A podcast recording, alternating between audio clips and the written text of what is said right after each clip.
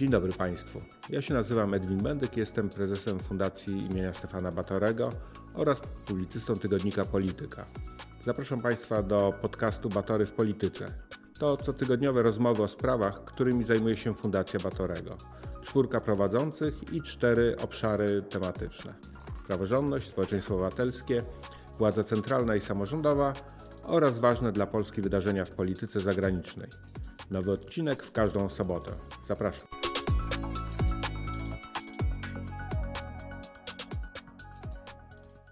Dzień dobry Państwu, ja się nazywam Łukasz Pawłowski i witam w kolejnym e, odcinku podcastu z serii Batory w Polityce.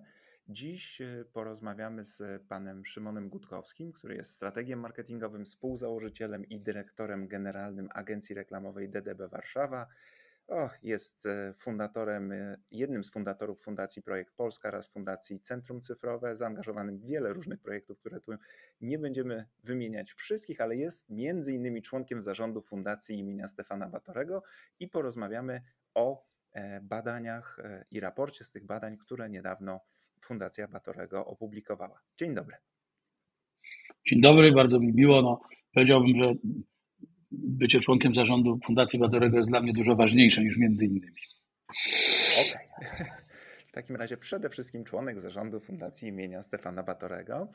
E, a raport, o którym e, będziemy rozmawiać, dotyczy wyborców e, niezdecydowanych. Tytuł tego raportu Polacy gotowi na zmianę. Mogą go Państwo znaleźć na stronach Fundacji Batorego i porozmawiamy sobie o, o głównych wnioskach wypływających z tego raportu. Niemniej zachęcam do sięgnięcia po całość, bo o wszystkim na pewno nie zdążymy powiedzieć. E, więc ja zacząłbym od y, pytania, kim są wyborcy niezdecydowani? To jest proste pytanie, niby, niby, bo zwykle nam się wydaje, że wiemy, że to są po prostu ci ludzie, którzy mówią tak, tak, w, sonda- w badaniach sondażowych mówią tak, tak, pójdę na wybory, tylko jeszcze nie do końca wiem, na kogo zagłosuję. Ale ten raport pokazuje, że to jest tylko jedna z podgrup e, tej szerszej grupy, jaką są wyborcy niezdecydowani. Dokładnie tak. I zanim y, zanurkowaliśmy głębiej badaniami jakościowymi, w grupę wyborców niezdecydowanych, to musieliśmy e, zrozumieć, zobaczyć na podstawie badań ilościowych, jaka ta grupa jest, jak ją podzielić, jak ją scharakteryzować. I otóż można ją scharakteryzować w taki sposób. Na nią składają się trzy podstawowe segmenty takich e, wyborców, którzy nie wiedzą, czy pójdą do wyborów. Może by chcieli pójść do wyborów, może uważają, że powinni, ale w sumie jeszcze nie wiedzą, czy pójdą. Zazwyczaj w związku z tym nie wiedzą, na kogo jeszcze na kogo będą głosować, bo, ale są to wyborcy, którzy w wyborach w ostatnich latach przynajmniej raz brali udział, czyli oni jakby wiedzą, jak to się robi i nie, nie boją się samej procedury. Druga grupa to są ludzie, którzy mówią, tak, pójdziemy do wyborów, ale nie wiemy jeszcze, na kogo głosować. No i oczywiście oni mogą w konsekwencji też nie pójść, jak tej odpowiedzi sobie nie, e, nie dadzą. Trzecia grupa to są wyborcy, którzy mówią: Ja pójdę do wyborów i zagłosuję na partię X. Ale jak się głębiej, jak da się im więcej opcji w badaniach ilościowych, a nie tylko na pewno czy raczej, zrobi się to jeszcze trochę bardziej subtelnie, to okazuje się, że oni mogą jeszcze zmienić preferencje. Jak są akurat teraz pytani, gdyby jutro były wybory, musieliby już wybrać, staliby przed tą kartką, to by wybrali partię X albo partię Y. Ale są jeszcze otwarci na zmianę i są bardzo tego wyboru niepewni. No i to są te trzy podstawowe e, segmenty. Oczywiście potem, żeby przeprowadzić badania jakościowe, trzeba je trochę inaczej scharakteryzować. Trzeba zobaczyć, czy są duże miasta, mniejsze, czy e, no, znaleźć odpowiednie pytania, żeby te grupy e, do badania dobrać. A niemniej jednak to są te, te, te trzy takie segmenty. Nie wiem, czy pójdę na wybory. Jak pójdę, to może nie wiem, na kogo zagłosuję, a jak deklaruję poparcie, to to poparcie jeszcze jest miękkie i mogę je zmienić. I ile jest, ilu jest takich wyborców? Jaki to jest odsetek? Ten odsetek szacujemy w zależności od różnych badań od 20 do 45%. Czyli nawet co drugi e... wyborca jest wyborcą niezdecydowanym. Tak. W tych badaniach, które mają najczulsze pomiary, czyli dają naj, największą możliwość szacowania tego stopnia zdecydowania do pójścia na wybory i stopnia zdecydowania do wyboru, wybrania partii, to właśnie w tych badaniach to jest 45. W badaniach, które dają mniej możliwości, to jest 20. Więc jakby te, ten przedział jest naprawdę dobrze zdefiniowany. Yy, I teraz, czy można powiedzieć, że to jest prawie połowa wyborców?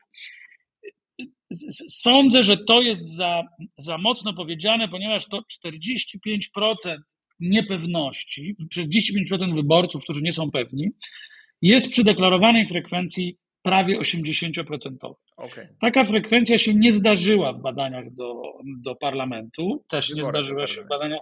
Tak, wyborach, przepraszam, wyborach do parlamentu, dziękuję za. Yy, więc jeśli założymy, że frekwencja będzie około 60% i założymy, że większość z tych, którzy nie pójdą, będą się właśnie rekrutować z tej grupy, no to może grupa, która faktycznie weźmie udział w wyborach 15 października, ale dzisiaj jeszcze można ją scharakteryzować jako wyborców nie będących do końca przekonanymi, to jest około 20 do 30%. Czyli to dalej jest bardzo dużo, ale to nie jest połowa. No właśnie, no bo biorąc pod uwagę różnice pomiędzy partiami i to, jak wydaje się z sondaży, no to nawet te 5-10% y, może zdecydować o, o rozkładzie sił w parlamencie. Więc y, pytanie jest może najpierw takie o cechy demograficzne tych ludzi. Czy są jakieś wspólne? Czy da się powiedzieć, że to są, nie wiem, wyborcy z mniejszych miast, starsi, gorzej wykształceni, albo odwrotnie, lepiej wykształceni z dużych, młodsi? Ponieważ jak mówimy o badaniach jakościowych, to my jakby wchodzimy głębiej w odczucia ludzi, ale trudno nam jest z tego e, podawać dane jakby ekstrapolujące procenty. Nie, nie jest to możliwe. Jak mówimy badania ilościowe, to mówimy o kilku pakietach, więc, więc e, moja odpowiedź, a nie wszystkie te badania mają te same pytania, więc moja odpowiedź będzie taką odpowiedzią z jednego z badań.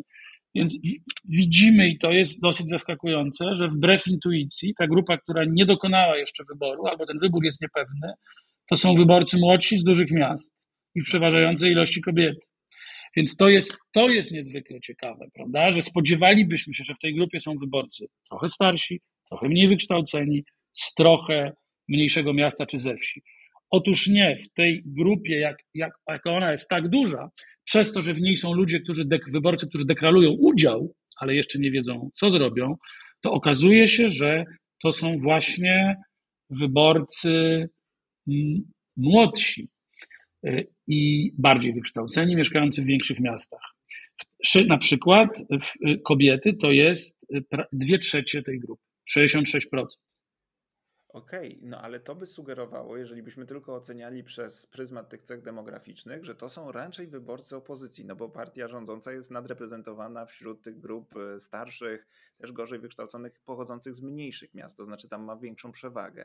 Więc czy można tak powiedzieć, że to jest potencjalny rezerwuar dla opozycji? A może inaczej zadam jeszcze to pytanie. E, między czym a czym ci ludzie się wahają? To znaczy, co powoduje, że, że oni są jeszcze niezdecydowani? Według danych, jakie mamy, wniosek, że to jest potencjalny rezerwuar dla opozycji jest y, poprawny. Dokładnie tak jest. Widzimy, że wśród tak szeroko zdefiniowanej grupy wyborców wahających się, y, partia rządząca ma niewielkie rezerwy. To nie jest tak, że ich nie ma, ale partia rządząca ma niewielkie rezerwy. Dużo większe rezerwy ma Konfederacja. Mhm. Y, I oczywiście bardzo duże ma rezerwy Y, opozycja.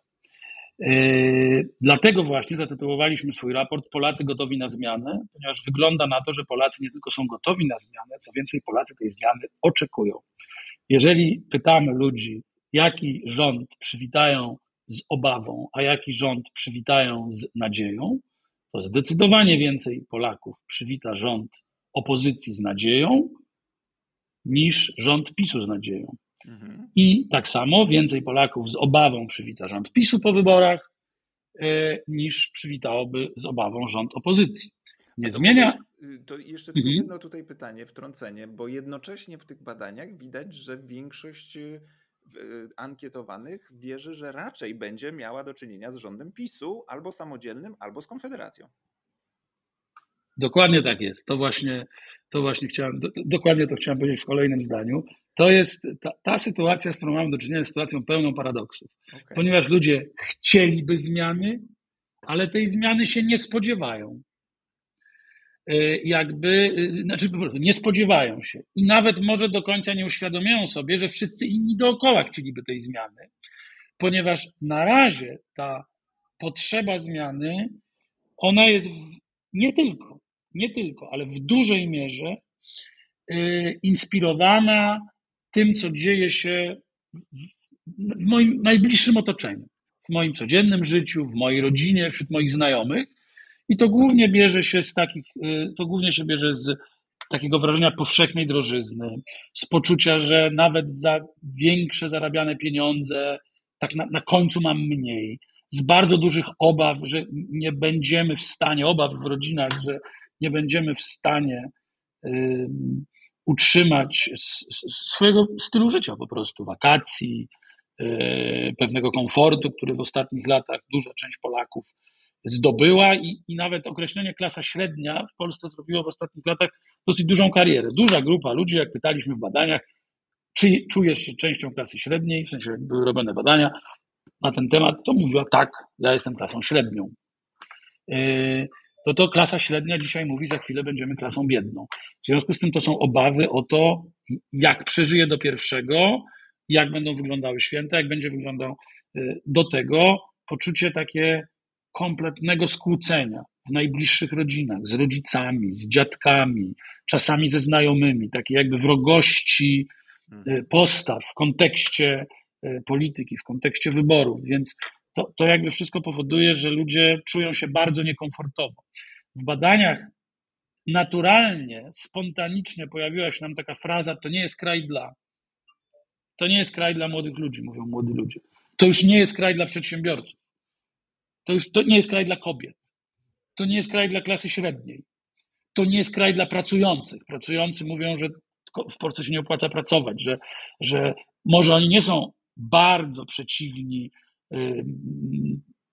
publicznym, tak, tak jakby publicznym dotacjom, czy programowi 500, czy 13, 14 emeryturze, jednak uważają, że skala tych świadczeń jest niesprawiedliwa, bo skoro oni mają coraz mniej pieniędzy, a mają poczucie, że oni na to pracują, to to jest jednak niesprawiedliwe, że inni, którzy nie pracują, są tego e, beneficjentami. Zaczyna się w związku z tym pojawiać wrogość pomiędzy tymi grupami taka jakby osłabia się wspólnota. Ale te wszystkie problemy to są takie problemy, które dotykają mnie. Ludzie jeszcze nie zdążyli powszechnie o tym między sobą porozmawiać. Ale to jest bardzo ciekawe, bo zwykle jest tak, że ludzie raczej gorzej oceniają sytuację w kraju, a kiedy pyta się o to ich, jak tobie się wiedzie, jak tam rodzina, no to oni mówią, że to w porządku, zadowolony jestem z dzieci, ale w kraju to dzieje się źle. A tutaj wniosek jest jakby odwrotny, że koło mnie dostrzegam e, no, pogarszanie się sytuacji, ale jeszcze nie widzę tego potencjału na zmianę w skali, w skali kraju. To znaczy, to jest interesujące, że ludzie mówią o osobistych doświadczeniach, że jest im coraz gorzej, tak?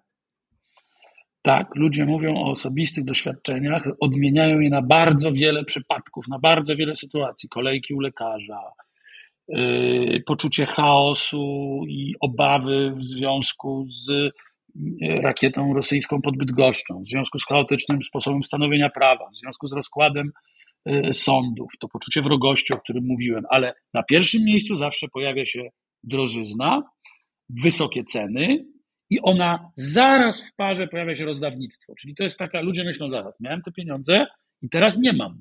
To gdzie one są? A, rząd zabrał mi w taki czy w inny sposób, poprzez inflację, poprzez podatki, poprzez nieumiejętną politykę i rozdał, prawda? I więc to, to, to się od tego zaczyna. I rzeczywiście to jest dokładnie tak jest, że wcześniej ludzie lepiej oceniali swoją sytuację, gorzej oceniali sytuację w kraju, teraz jest odwrotnie. I zauważyliśmy, ta sytuacja, z którą mamy do czynienia, jest tak nowa, że jakby no, te interpretacje są obarczone tym, że to wszystko są hipotezy. Tak widzimy w kilku badaniach ilościowych, w kilku badaniach jakościowych powtarzające się podobne wątki, więc nie może być to błąd pomiaru. Jest to bardzo mało prawdopodobne. Mhm. I, I w związku z tym, jak się ludzi dociska i mówi, no dobrze, czyli tobie żyje się gorzej, to już nie jest kraj dla ciebie, no to w takim razie może Polska zmierza w złym kierunku, może Polska w, y, wpada w stagnację. I tutaj jest duży odpór. Ludzie mówią, nie, nie, w Polsce jeszcze wszystko jest ok. My się boimy, nie chcemy, żeby było gorzej, to, to wzbudza nasze obawy. Natomiast Polska to jest jeszcze europejski kraj, który cały czas się rozwija.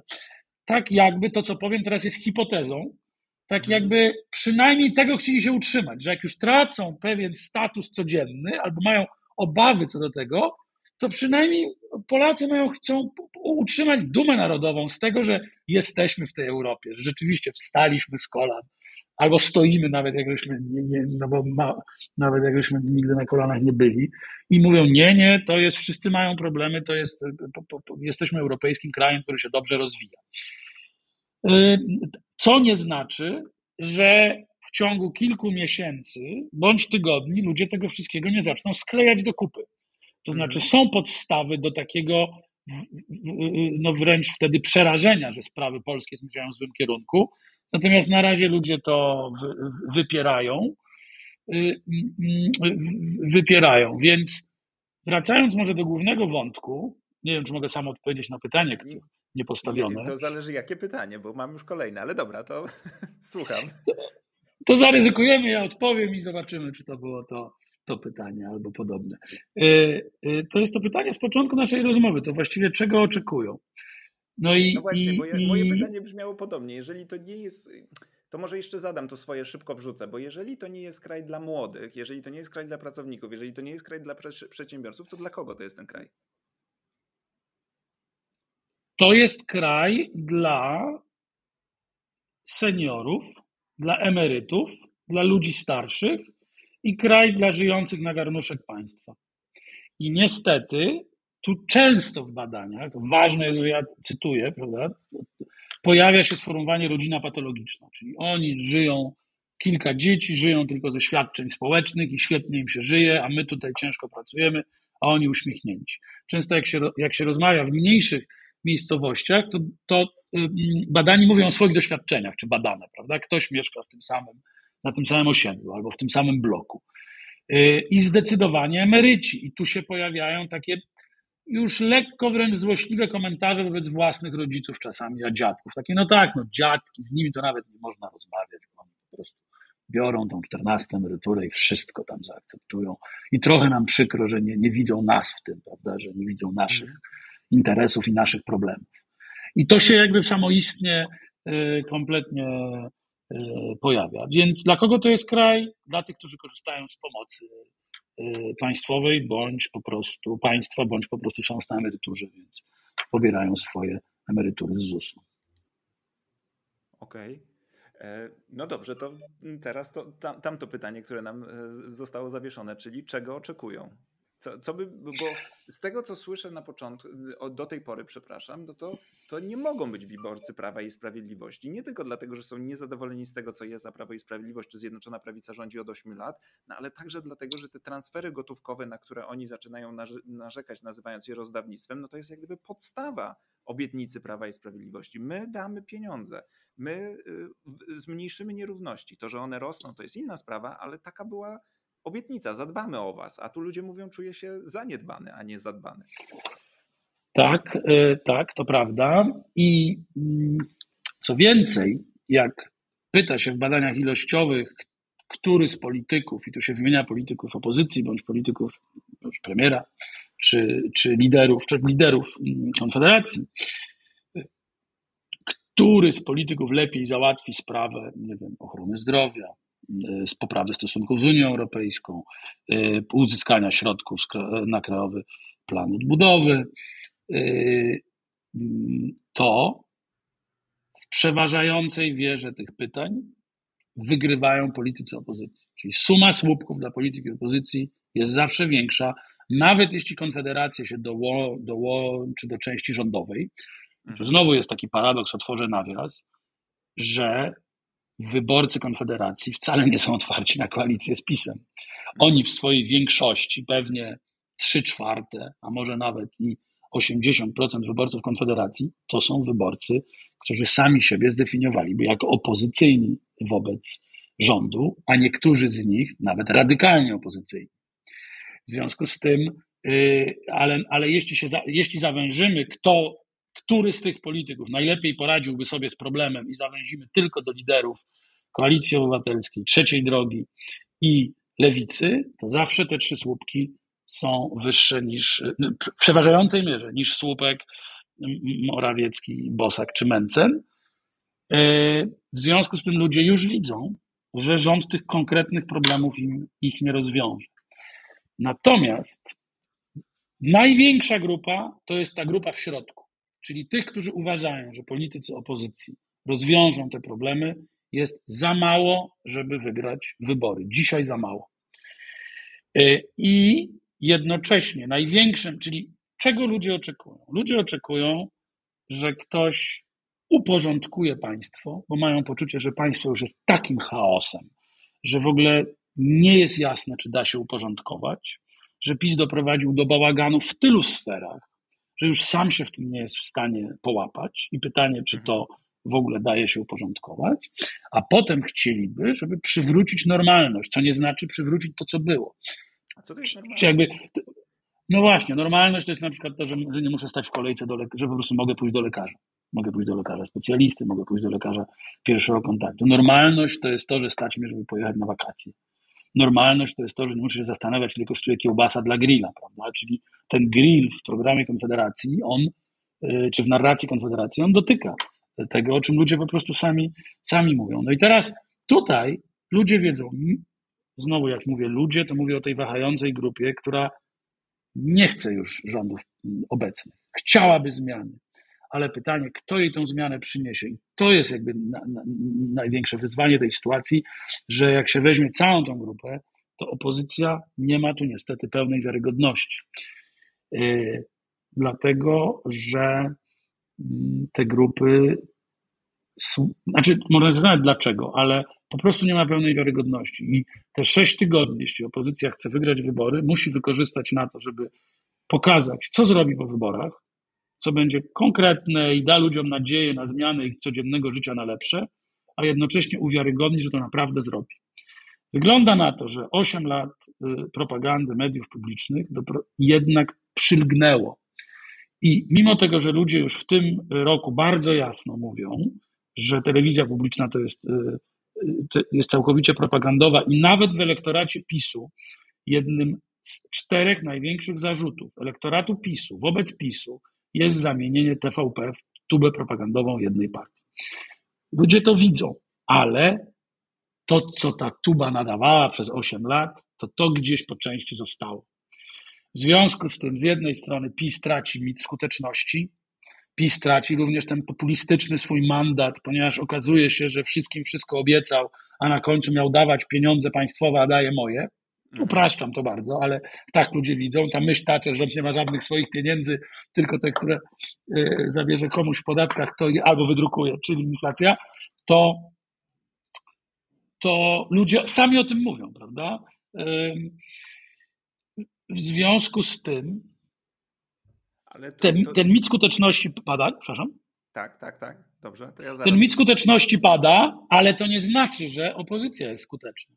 W związku z tym pojawia się taka rezygnacja i takie kompletne poczucie zagubienia. No to na kogo ja mam głosować? Na tych nie chcę, ale ci nie dają mi wystarczająco dużo powodów. A jak mi dają powody, to czy, to są, to czy oni to naprawdę zrobią? Czy oni to mówią tylko dlatego, żeby wygrać z PiSem?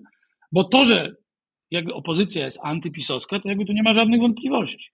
No więc na tym tle momentami Konfederacja zyskuje, bo Konfederacja ma taki prosty język i proste recepty. No ale ponieważ ta grupa jest dużą grupą i są w niej również ludzie wykształceni, młodzi z dużych miast, no to, to, to jest, oni też mają dużo zdrowego takiego sceptycyzmu do, do Konfederacji, bo widzą, że może to jest zbyt e, ładne, żeby było e, prawdziwe i jednocześnie pamiętają jeszcze Korwina Mikke czy Grzegorza Brauna, więc, więc mamy taką sytuację, Polacy są gotowi na zmianę, chcą zmiany, ale na razie nie ma nikogo, kto w wiarygodny sposób by tą zmianę im przedstawił, zaproponował. A może to jest tak, y, że z tą, to, ta zbitka rozdawnictwo plus y, inflacja, czy drożyzna plus rozdawnictwo, no to jest wynik takiej polskiej zawiści, w sensie takim, że jak mi dają 500 plus, to jest super, ale nie powinni dawać tym, tym i, i siamtym. Czy to jest, y, może to jest jakaś stała cecha? Czy tu się coś zmienia? No bo często słyszymy o tym, jak to, jak to Polacy są zawisni i by, największym marzeniem jest tylko to, żeby sąsiad miał gorzej. Y, czy, czy to jest stała cecha, czy tu rzeczywiście coś się zmieniło, że ludzie zaczęli łączyć jedno z drugim? Ja muszę powiedzieć, że nie widzimy. Znaczy, znowu, ja, ja, się zgadzam z tym. Mamy chyba różne mamy o sobie zdania. Jedno z tych zdań, które mamy o sobie jako Polacy, czy część z nas ma, że jesteśmy zawisni. Ale tego nie widać specjalnie. Nie, nie, to, to jakby to się pojawia nie w obszarze zawiści, czy, w, czy nie, tą emocją nie jest zawiść, tylko poczucie niesprawiedliwości. Podobna rzecz niestety dzieje się yy, w E, jeśli chodzi o Ukraińców. Czyli na szczęście jeszcze nie pojawiają się negatywne y, jakby opinie samych Ukraińców, albo rzadziej, właśnie nie ma tu zawiści, raczej jest poczucie niesprawiedliwości. Czyli ludzie mówią, no tak, oczywiście, trzeba pomóc. Dobrze, że pomogliśmy, no ale, ale są jakieś granice, prawda? No my jesteśmy u siebie, my powinniśmy mieć przynajmniej tak dobrze, a nie gorzej.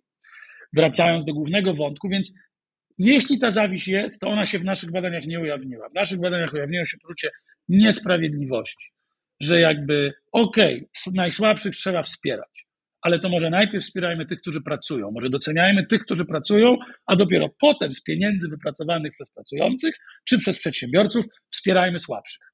A nie, a nie y, po prostu budujmy kraj, w którym pracujący i, i przedsiębiorcy boją się otworzyć, nie wiem, gazetę, żeby nie przeczytać o kolejnej zmianie prawa podatkowego, a pracujący y, y, nie wiedzą, jak y, od 20 do, trwają do, do 31.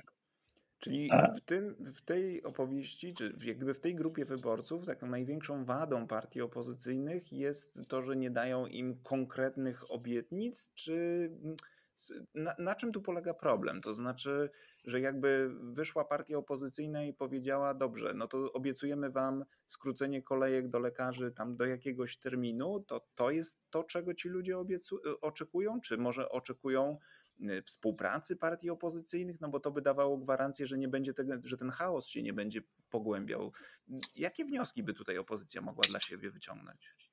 Niektóre mogę po prostu tak wprost z badań, y, odpowiedzieć na pytanie wprost z badań, a na drugą część pytania raczej musiałbym ekstrapolować, czy jakby nastawiać jakieś hipotezy.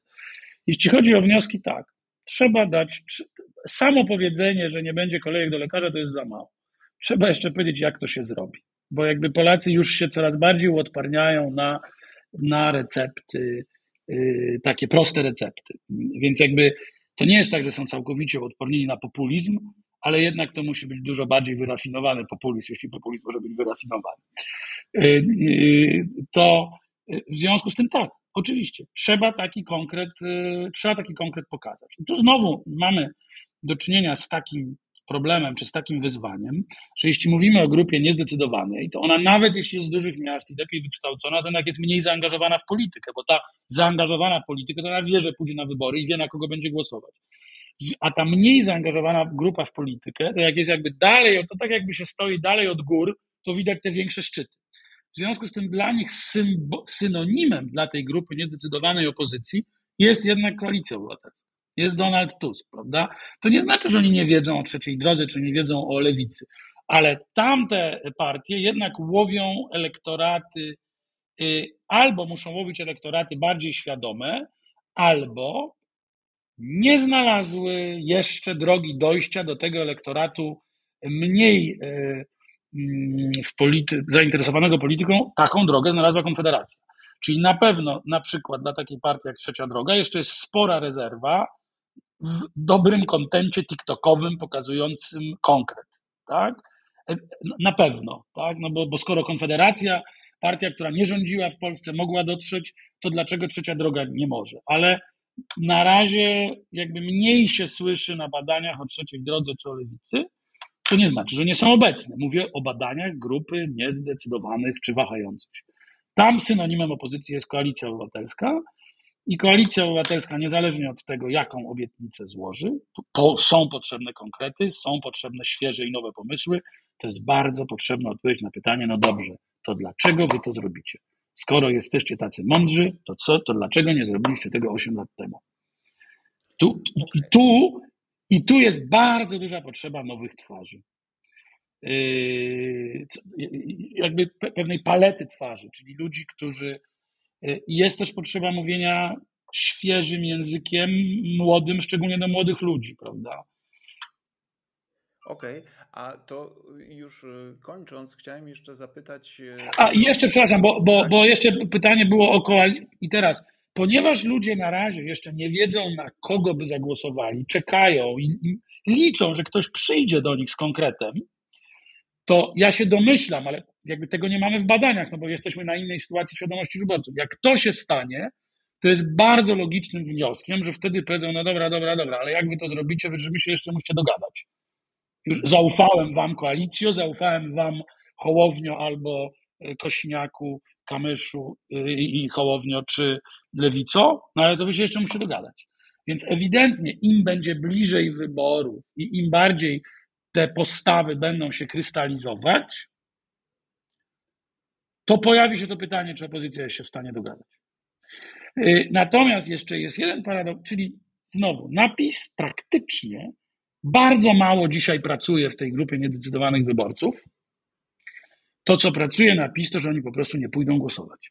Że oni jakby nie, zna, nie dostaną odpowiedzi i zostaną w domu, sama frekwencja, a jednocześnie w tych grupach, które nie odrzucają PiSu, pojawia się taki argument, który już kompletnie można uznać, że już jest bardzo, taki może nie argument, ale taki, taki strach, że skoro już jest taki chaos, skoro Polska jest krajem tak poskręcanym na sznurki, to już może lepiej nic nie zmieniać. Skoro nikt tego nie uporządkuje, skoro tego się nie da po prostu rozplątać, bo, bo te wszystkie spółki Skarbu Państwa, ci, yy, ci pozatrudniani pociotkowie, na, na jakby po, poziom jakby niekompetencji, prywaty, złodziejstwa, bo to się wszystko pojawia, już jest tak duży, yy, że po prostu już niech to tak zostanie. Bo jak ktoś to zabierze, to tak jak wyjąć jedną z kartę, to się wszystko zawali. No Więc to, to, to pojawia się takie echo. Po, po, po, da, ale pojawia się coś takiego, prawda? To, i, że jakby paradoks jest taki, że jest możliwe, że 15 października wyborca, który chce zmiany władzy i zmiany rządu, zagłosuje na Prawo i Sprawiedliwość dla świętego spokoju. To jest możliwe. Dziękuję bardzo. To właściwie odpowiada na moje pytania wszystkie, więc e, jeżeli słucha ktoś, e, przedstawiciel, doradca, polityk partii opozycyjnych, no to chyba wnioski ma dość jasne co do tego, co powinien zrobić i jak trafić do tych wyborców. No, optymistyczne jest to, że to rzeczywiście jest potencjał dla partii opozycyjnych y, ogromny. No bo siłą rzeczy, to logicznie rzecz biorąc, jeżeli ktoś jest, jeżeli ktoś by był zadowolony z tego, co się dzieje w kraju, to byłby wyborcą zdecydowanym partii rządzącym. Jeżeli jest niezdecydowany, to znaczy, że jednak coś mu się nie podoba i można to wykorzystać. Ja się nie spodziewałem przed tymi badaniami, że, że wyjdą wam aż tak radykalne wyniki. To znaczy, że, że ci ludzie są aż tak niezadowoleni i tak wiele dostrzegają tych e, powodów do niezadowolenia. Więc dla opozycji potencjalnie ogromny zasób. Rzeczywiście tak jest. Natomiast jeszcze bym tu jedną rzecz powiedział, że naprawdę to, co widzimy, to, że ludzie 16 czy 17 października chcą się obudzić w kraju, w którym coś się zmieni. Więc ta szansa jest. Oni spodziewają się, że się obudzą w kraju, w którym nic się nie zmieni, ale chcieliby się obudzić w kraju, łącznie z kotem prezesa, który może by się cieszył, jakby prezes miał dla niego więcej czasu trochę. To chcemy tej zmiany. Pytanie, czy partie opozycji zdążą z wiarygodną ofertą przed 15 października, dlatego że jeśli nie zdążą, to trudno będzie przewidzieć frekwencję, i, i ten wybór może być bardzo wahliwy. Ludzie przed samą urną mogą podjąć decyzję po prostu, idąc za kotarą. Po prostu. To mamy do czynienia z takim bardzo pofalowanym, gdyby to było może, to byłoby bardzo pofalowane i staramy się złapać poziom w jednym momencie, ale za chwilę mógłby być inny, tak? Czyli dzisiaj mamy do czynienia, i dlatego jest taka wahliwość sondaży, że dzisiaj mamy do czynienia z sytuacją, że gdyby wybory były jednego dnia, to byłyby, mogłyby być istotnie inne wyniki niż parę dni później. No to ciekawe, w jaki moment trafimy. To rzeczywiście wiele się jeszcze może zdarzyć. Chociaż, i pewnie chociaż kolei... łatwiej jest odpowiedzieć. Przepraszam. Nie, I pewnie takie wszystkie, nie wiem, wydarzenia, które dotyczyłyby bezpieczeństwa, czy pokazywałyby niekompetencje rządu, no to, to jak rozumiem, wszystko to może jeszcze wywrócić nam te mm, sondaże do góry nogami. Oczywiście, ale tak samo, jeżeli partia rządząca ma jakieś asy w rękawie, to, to, to również Jasne. może się ujawnią jakieś rzeczy na temat opozycji. No wszystko jest jeszcze w grze. Na pewno widać, że TVP jako narzędzie bardzo osłabło. To znaczy, będzie trudno samym TVP przykleić kolejne łatki opozycji, czy zbudować poczucie kolejnych afer, bo po prostu ludzie w to już nie wierzą. To jakby tu, tu będzie trudno. Dziękuję bardzo e, za, za wyjaśnienie. A Państwa zachęcam także do tego, żeby sięgnąć do, do całości e, tych, tego raportu i tych wyników. Tam jest jeszcze sporo, e, na przykład podziały inne jeszcze tych, tej grupy niezdecydowanych na różnego rodzaju podgrupy i opowieści o tym, co sądzą na inne tematy, jakie na pewno w kampanii się pojawią. A my dziękujemy i słyszymy się w podcaście z serii Batory w Polityce za tydzień, a ja Szymonowi Gutkowskiemu raz jeszcze dziękuję za rozmowę. Ja bardzo dziękuję.